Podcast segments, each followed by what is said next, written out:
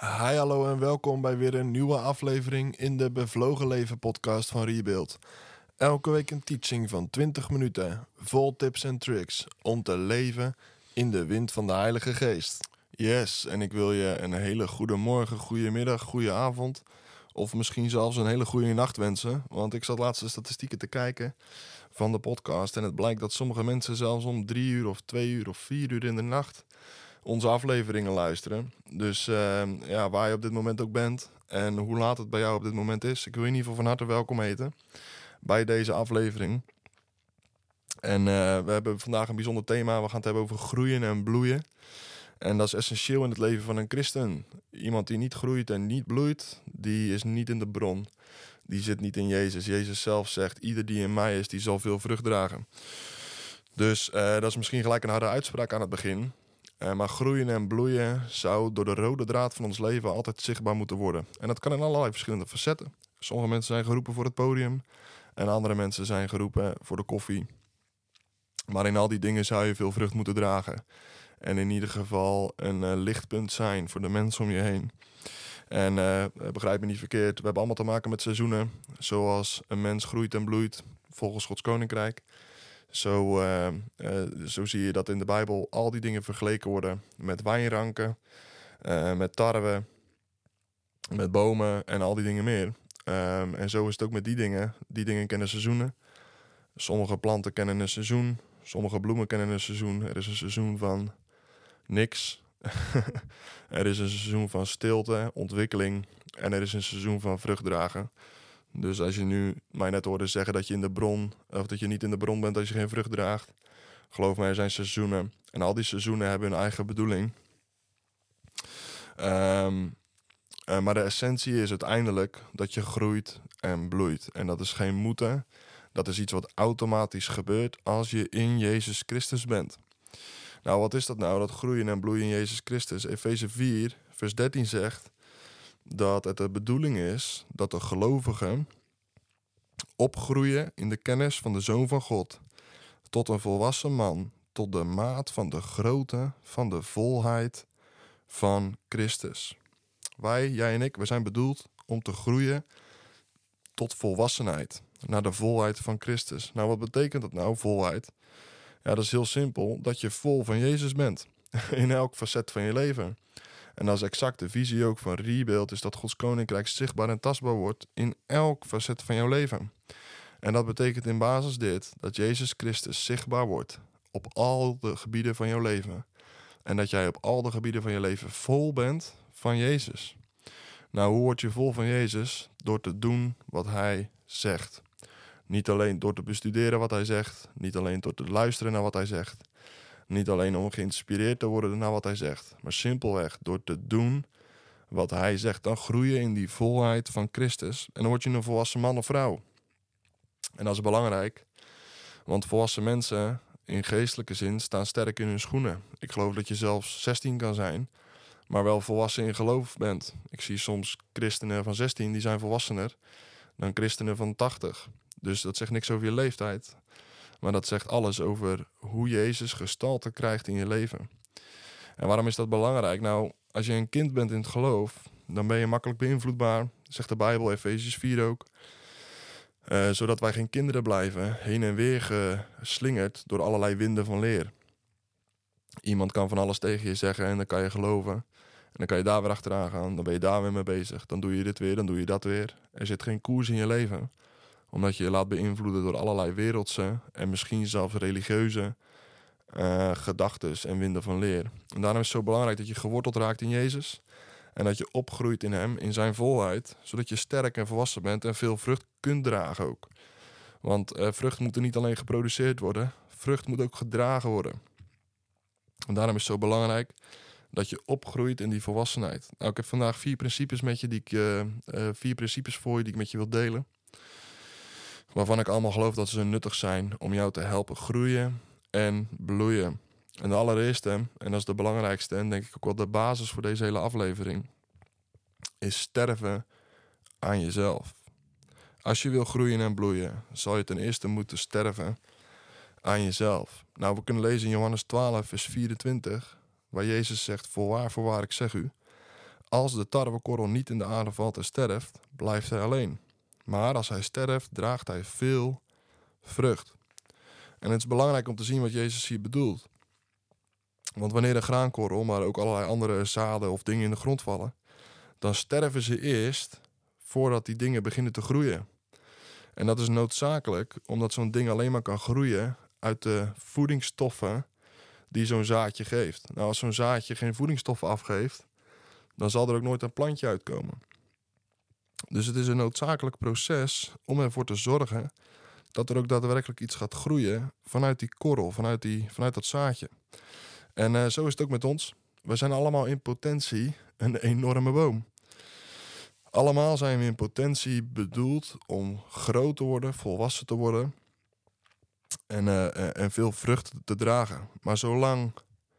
Um, maar als je die potentie tot uiting wil komen, dan zal dat zaadje of die korrel eerst moeten sterven. Dus in potentie zijn we allemaal die boom. Maar het zaadje of de korrel in ons, dat kleine ding van wie we zijn, dat zal eerst moeten sterven.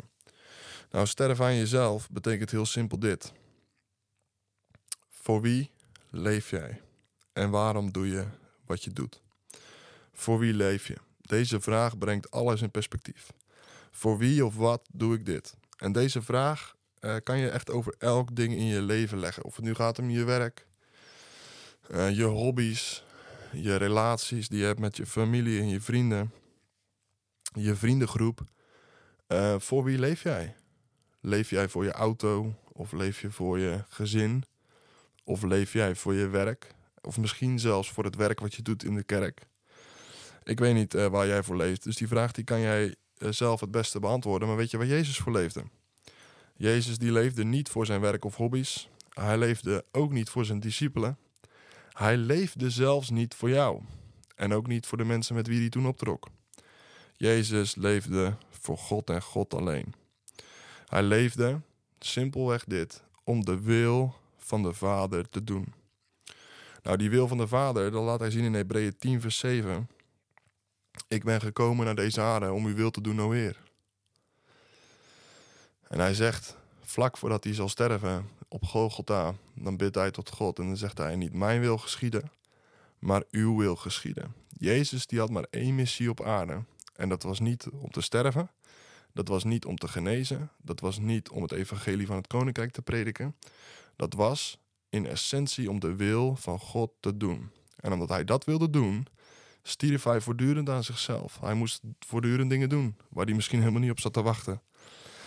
En we lezen daar niet zo heel veel over in de Bijbel, maar één ding zat hij zeker niet op te wachten, en dat was sterven. Maar zijn sterven betekende voor ons leven. Het betekende voor ons vrucht. Dus terwijl Jezus stierf van het kruis, bracht hij vrucht voor in de eeuwigheid, bracht hij vrucht voor heel de wereld om zaligheid te ontvangen. En wij mogen net als Jezus sterven aan onszelf. Net zoals Jezus zei: Ik wil uw wil doen, o Heer. Hij zei eigenlijk: Ik heb niks meer te bewijzen. Ik heb zelf niks meer te bewijzen. Ik heb slechts te wijzen. Ik wil slechts wijzen naar God en God alleen. En ook wij mogen diezelfde houding hebben. Heel vaak hebben wij al bedacht, als we denken aan vruchtdragen, hebben wij al bedacht, wat voor vrucht? We gaan dit doen, we gaan daar preken, we gaan die mensen helpen, we gaan deze studie doen, uh, we gaan dit werk doen. Uh, en vaak zijn dat hartstikke goede dingen die ook ontstaan vanuit goede motieven. Alleen het is niet aan ons om te bepalen hoe de vrucht eruit ziet. Het is aan ons om te sterven aan onszelf. Door exact hetzelfde te doen als Jezus. Zoals hij zei: Ik ben gekomen om uw wil te doen, o Heer. En ik denk dat het een mooi gebed is wat je uit mag spreken voor jezelf. En laat me je waarschuwen. Dit is een van mijn bekendste uitspraken, maar je hebt zoiets als categorie gevaarlijke gebeden. Als jij bidt tot God en zegt: Ik wil uw wil doen, o Heer, dan gaat hij zijn wil uitvoeren in je leven. En dat betekent dat je op dagelijkse basis zal moeten leren sterven aan jezelf. Dat je dingen moet doen die je liever niet doet. Dat je dingen moet opgeven die je liever niet opgeeft. Dat je dingen ontvangt die je liever niet ontvangt. Maar geloof mij, de belofte daarbij is ook, hij zal met je meegaan. En het is een mooiere reis dan je ooit kan voorstellen. Alles wat het vraagt is om te sterven aan jezelf. En het is een gevaarlijk gebed wat je uit mag spreken. Het is niet zonder consequentie. En het is ook zeker geen eenmalig gebed. Het zou een doorlopend gebed moeten zijn. Heer, ik wil uw wil doen. Ik wil uw wil doen. Ik wil uw wil doen. Ik wil uw wil doen op mijn werk. Ik wil uw wil doen in mijn vriendengroep, in mijn gezin. En ik wil uw wil doen in de kerk. Ik wil niets liever dan uw wil doen, o Heer. En als je dat uit gaat spreken en je maakt dat een onderdeel van je dagelijkse gebed, je maakt dat een onderdeel van je gebedsleven, dan ga je ook ontdekken hoe krachtig God door jou heen gaat werken. Hoeveel het je kost, hoeveel je moet sterven aan jezelf, maar vooral ook hoeveel vrucht eruit voort gaat komen. Dus nummer 1 om te groeien en te bloeien is sterven aan jezelf. Nou, nummer 2 is groeien gaat met vallen en opstaan. Dat is nou eenmaal de realiteit. Ik had je liever willen zeggen dat groei één grote overwinningstriomf is. Een triomftocht is. Maar dat is het niet. Niemand groeit in één rechte lijn omhoog. Niemand groeit uh, in één keer door naar zijn allergrootste toppunt. Het is een doorlopend ding. En dat gaat met vallen en opstaan. Hobbels die zijn er nou eenmaal om genomen te worden. En ergens in de psalmen staat: Met mijn Heer spring ik over muren. Nou, als dat er staat, dan geeft dat twee dingen weer. Ten eerste dat er muren zijn. En ten tweede dat we daar met God overheen kunnen springen. Nou, wij kunnen niet met God over muren heen springen als er geen muren zijn. Dus vallen of groeien en bloeien gaat met vallen en opstaan. Soms kom je tegen een muur, soms moet je een hobbel nemen. En soms ga je door een diep dal. En ik moest denken, terwijl ik deze aflevering aan het schrijven was, aan dat experiment. Uh, met twee metalen balletjes die op een. Uh, ja, die vanaf een, uh, vanaf een dingetje afrollen. en die moeten naar een eindpunt toe rollen. En het ene balletje groeit of rolt in één rechte lijn naar het eindpunt toe. Maar dat andere balletje, dat gaat door dalletjes en bergjes naar het eindpunt toe. En ehm, terwijl die balletje begint te rollen, gaat dat ene balletje als eerste door een dalletje. En je ziet omdat hij door een dalletje gaat, krijgt hij snelheid. Waardoor hij snel weer over die hobbel gaat. En zo gaat hij om en om en om. En gaat hij sneller dan dat balletje die in één rechte lijn gaat. Nou, misschien heb je dat experiment wel eens gezien. Uh, maar die laatste, uh, die, die door die dalletjes gaat, die rolt uiteindelijk sneller. Dus uh, er is niks mis met vallen en opstaan. Als je maar weer opstaat. Dat is het belangrijkste. Er is niks met een dal als je er maar niet in blijft zitten. En er is zeker niks mis met jezelf tegengekomen. In dat hele proces. In dat sterven aan jezelf zal je gaan merken: oh, dit is wel echt een hele lelijke kant van mij. Er is niks mis met jezelf tegengekomen. Uh, maar of je dan wel of geen afscheid neemt van dat stuk van jezelf, bepaalt wel hoe je karakter zich ontwikkelt. En veel mensen die vallen, of die door een dal gaan, of die in een periode van herfst zitten, om het even zo te noemen, die hebben vaak een heleboel excuses die ze opnoemen waarom ze in een dal zitten en waarom ze gevallen zijn. En het is heel simpel, je kan niet iets aanpakken, je kan niet iets veranderen als je het niet eerst erkent. En Spreuken 24 zegt, de rechtvaardige valt, maar staat telkens weer op. Maar goddelozen struikelen in het onheil. Nou, wat betekent dat? Als je valt, dat je ook weer op moet staan. Goddelozen, mensen die God niet volgen, die struikelen in het onheil en die blijven daar ook in zitten. En zij geven zichzelf of zij geven anderen de schuld of situaties de schuld voor het feit dat zij gevallen zijn of dat zij in een dal zitten. En daarom is het zo belangrijk: er is niks mis met vallen als je maar opstaat. Er is niks mis met een dal als jij maar doorheen gaat en er niet in blijft zitten. Verzin geen excuses, want excuses vullen namelijk de ruimte tussen wie je bent en wie je zou moeten zijn. Ik zal nog een keer herhalen, want ik denk dat die belangrijk is. Excuses vullen de ruimte tussen wie je bent en wie je zou moeten zijn. Sta op. Het laatste wat je moet doen is blijven liggen. En het is beter, denk ik, belangrijk om dit ook te zeggen. Het is beter om inconsequent je best te doen dan consequent niks te doen. Veel mensen die zeggen, ja, ik ben nou weer gevallen, of ik zit weer in dit dal, uh, of dit overkomt me weer. Nou, ik heb het nou al zo vaak gehad, laat maar zitten, want het gaat nooit veranderen. Um, hoe vaak je ook valt, hoe vaak je ook in een dal zit, hoe vaak het leven ook soms moeilijk is. Het is zo belangrijk dat je leert op te staan en dat je streeft naar beter samen met God. En daarom is het zo belangrijk ook dat je deze in je oren knoopt. En je moet niet consequent niks doen. Je kan beter inconsequent je best doen dan consequent niks te doen. Dus die eerste sterren van jezelf is belangrijk. En die tweede is groeien en bloeien gaat met vallen en opstaan. Nou, de derde wat ik met je wil delen is ook een belangrijke. Is groeien doe je namelijk zelf. Je hebt simpelweg anderen nodig. En ik heb eerder een podcast gemaakt over vriendschap. Die kan je zeker ook even terugluisteren. Uh, daarin komt dit thema ook veel uh, aan bod. Waaronder de spreuk, uh, waaronder andere de spreuk zoals ijzer, ijzer scherpt, scherpt de mens de mens. Je hebt anderen nodig die inspraak hebben in je leven. En die ook je durven te wijzen op de dingen waar jij in mag groeien. en ook durven te wijzen op de dingen die goed gaan. Die je bemoedigen en die je helpen. En uh, laatst zag ik een grappig filmpje van een man. Die zei: uh, Weet je wat het ergste is van deze wereld? Hij zei: Je ruikt je eigen mondgeur niet. Ik moest er even over nadenken. Uh, en dat is eigenlijk best wel waar. Als jij s uit je bed komt, dan ruik je je eigen mondgeur niet. Je hebt wel een idee, want dat heb je vaker gehad. En dat heb je misschien wel eens teruggekregen van je partner bijvoorbeeld. Maar niemand ruikt zijn eigen mondgeur. Dus nou ja, wat moet je doen? Je moet natuurlijk tanden poetsen en al die dingen horen erbij. Maar anderen ruiken jouw mondgeur wel. En kunnen daarom heel goed ook waarschuwen uh, voor dingen die in je leven spelen. Dus zorg voor aanspreekbaarheid om jou heen op elk vlak in je leven. Of het nu gaat over werk, gezin, uh, je relaties of je hobby's. Het is zo belangrijk dat je mensen om je heen hebt die, uh, dat je mensen om je heen hebt die inspraak hebben op jouw leven. Die zeggen van hé, hey, we waren gisteren aan het eten met jouw gezin en toen behandelde je je kind zo en zo. En vragen durft te stellen, waarom deed je dat?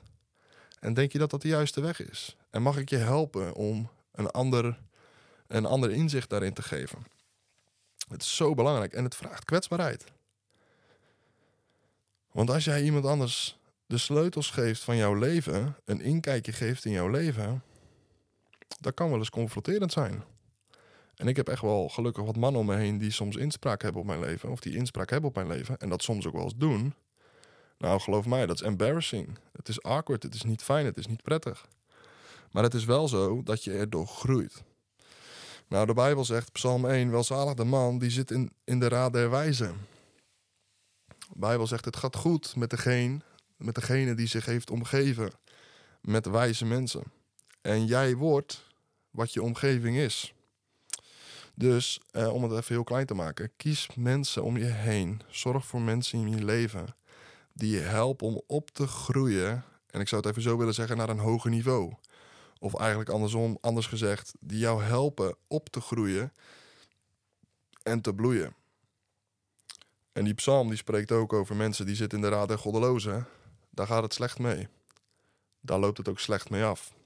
Je wordt simpelweg wat je omgeving is. Dus bepaal en kies wat voor omgeving je hebt. Zodat je. Oh, kijk eens. Ik krijg gewoon een appje. Dat is wat je hoorde. Vergeet mijn telefoon op stil te zetten. Je wordt wat je omgeving is. Dus kies mensen die je naar een hoger niveau helpen en niet de afgrond in helpen. En zorg dat ze inspraak hebben in je leven. Nou, de laatste die ik met je wil delen is ook een hele belangrijke. De vrucht van de boom is voor anderen. Heb jij ooit een appelboom een appeltje zien eten? Nou ja, ik ook niet. En de vraag die ik je zou willen stellen, die alles te maken heeft met dat eerste begrip, sterren van jezelf, is deze vraag: wil je groeien of wil je graaien? Pluk jij de vruchten of plukt een ander die? Het is zelfs zo dat als een vrucht aan de, aan de boom blijft hangen en niet eraf geplukt wordt, dat die boom dan ziek wordt. En je weet ook, als die vrucht uiteindelijk van de boom afvalt, een appel bijvoorbeeld, dan gaat die rotten in de grond. Dus vruchten zijn bedoeld om van gegeten te worden door anderen. Ze moeten gegeten en geconsumeerd worden. Dus als jij groeit en bloeit, dan doet je omgeving dat als het goed is ook. En dat is de essentie van groeien en bloeien, is dat jouw omgeving begint te groeien en te bloeien. En dat betekent soms dat je offers moet maken. Betekent soms dat dingen anders gaan dan jij wilt. Maar dat betekent bovenal dat Gods koninkrijk zichtbaar en tastbaar wordt in jouw leven, in elk facet, om jou heen. Dus blijf in die cirkel van sterren van jezelf. Blijf dat gebed uitspreken, wat, ik net vertelde. Hè? Ik wil uw wil doen, o Heer. Niks anders. Ik wil alleen maar uw wil doen. Zorg dat je sterft aan jezelf. Uh, leer te groeien met vallen en opstaan verzamel mensen om je heen die je helpen om met jou mee te groeien. Die uh, inspraak hebben op jouw leven. En als allerlaatste, Laat de vrucht altijd voor anderen zijn, tot eer en glorie van Koning Jezus. En Heer, op dit, dit moment bidden we zo dat iedereen die dit ook luistert, die een verlangen heeft om te groeien en te bloeien voor u, Heer, dat u hen overweldigt met uw vrucht. Dat u hen overweldigt met uw liefde en met uw kracht en uw glorie. Heer, en dat dat gebed voor altijd in hun gedachten geprent zal zitten. Dat ze uw wil willen doen, o Heer. En Heer, dat ze ons verlangen dat we uw wil doen. En Heer, we bidden dat daardoorheen uw koninkrijk zichtbaar wordt. Uw koninkrijk tastbaar wordt in de levens van iedereen die luistert.